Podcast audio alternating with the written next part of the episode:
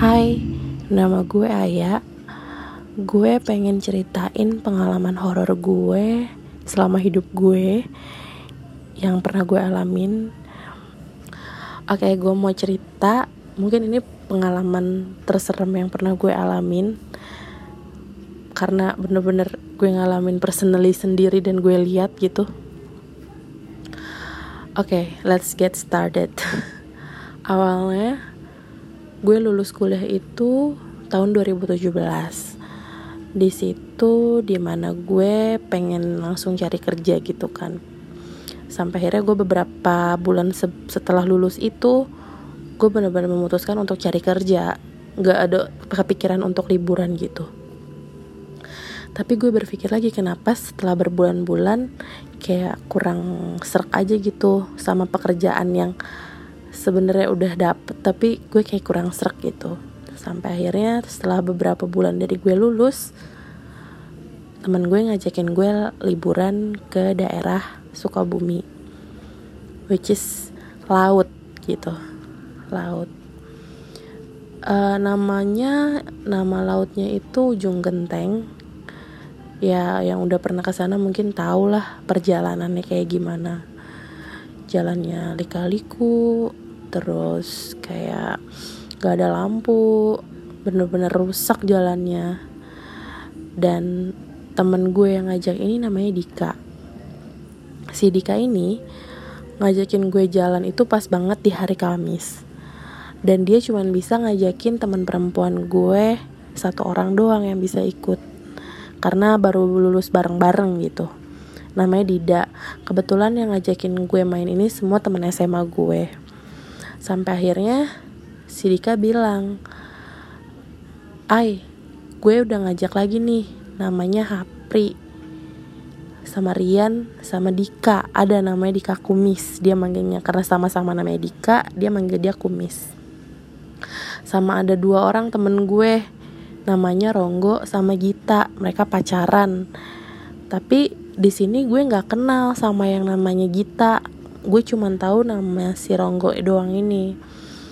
Dan yang lain tuh temen SMA gue gitu. Oke okay, gue bilang ya apa yang penting rame. Minimal perempuannya bertiga. Awalnya gue ragu kenapa? Kalau misalnya berdua mungkin gue nggak akan ikut karena perempuannya cuma gue sama Dida doang. Tanya ada si Gita-Gita ini. Oke okay, gue memutuskan untuk ikut tapi pas Hamin satu pas hari H itu bukan Hamin satu sorry. Pas hari itu gue mau berangkat nyokap gue tuh kayak ngelarang kayak gak usah deh gitu. Perasaannya gak enak gitu. Tapi gue udah kepalang janji kan gak enak juga. Dan cowok gue pun ngelarang. Dia ngelarang gue untuk main tanpa dia karena si Dika ini personally temennya cowok gue gitu kan karena cowok gue udah kerja jadi ya gue gimana nggak bisa cowok gue nggak bisa ikut gitu kan.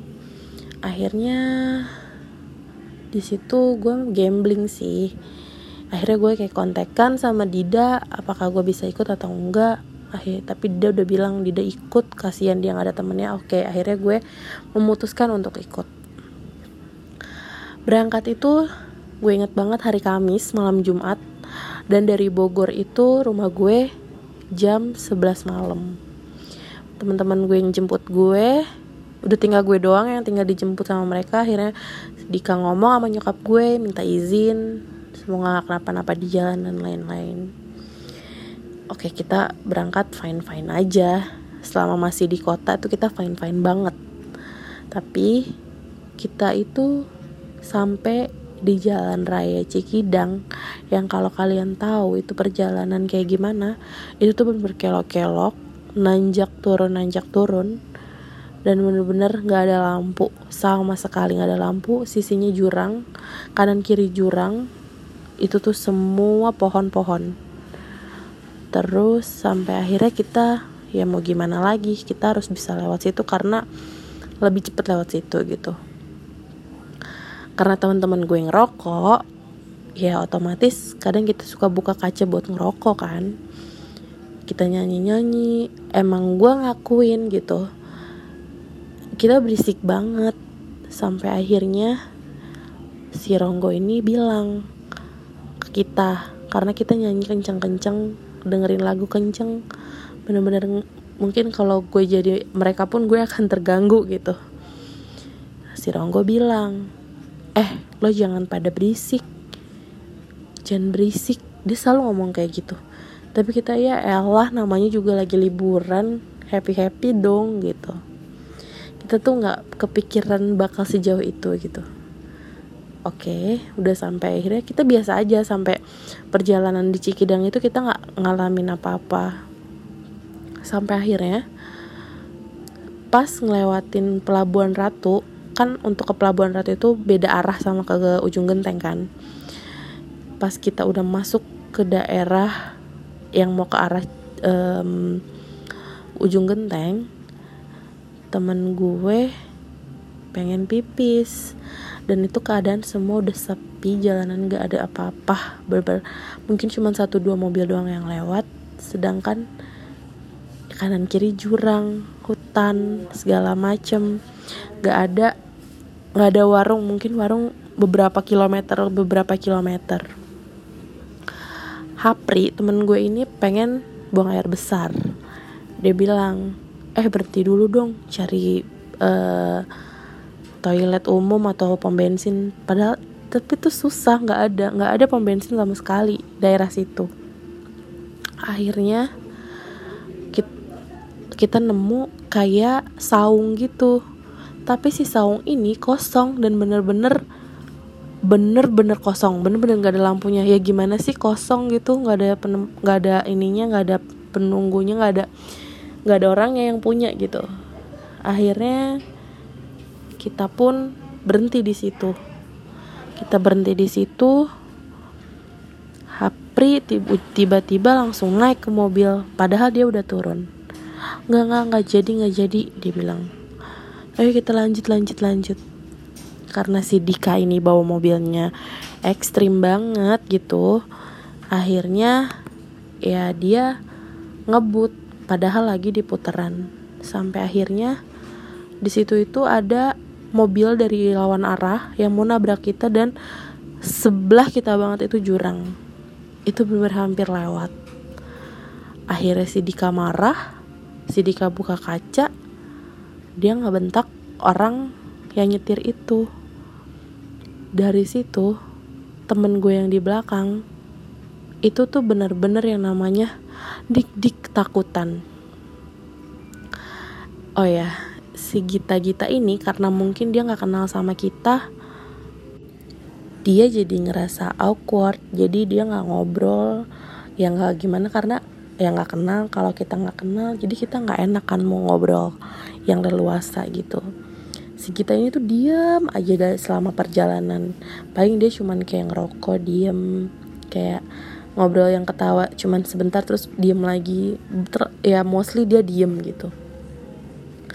Sampai akhirnya pas si Dika banget buka kaca buat ngebentak si yang mau nabrak kita itu bau bangke yang benar-benar bau bangke banget.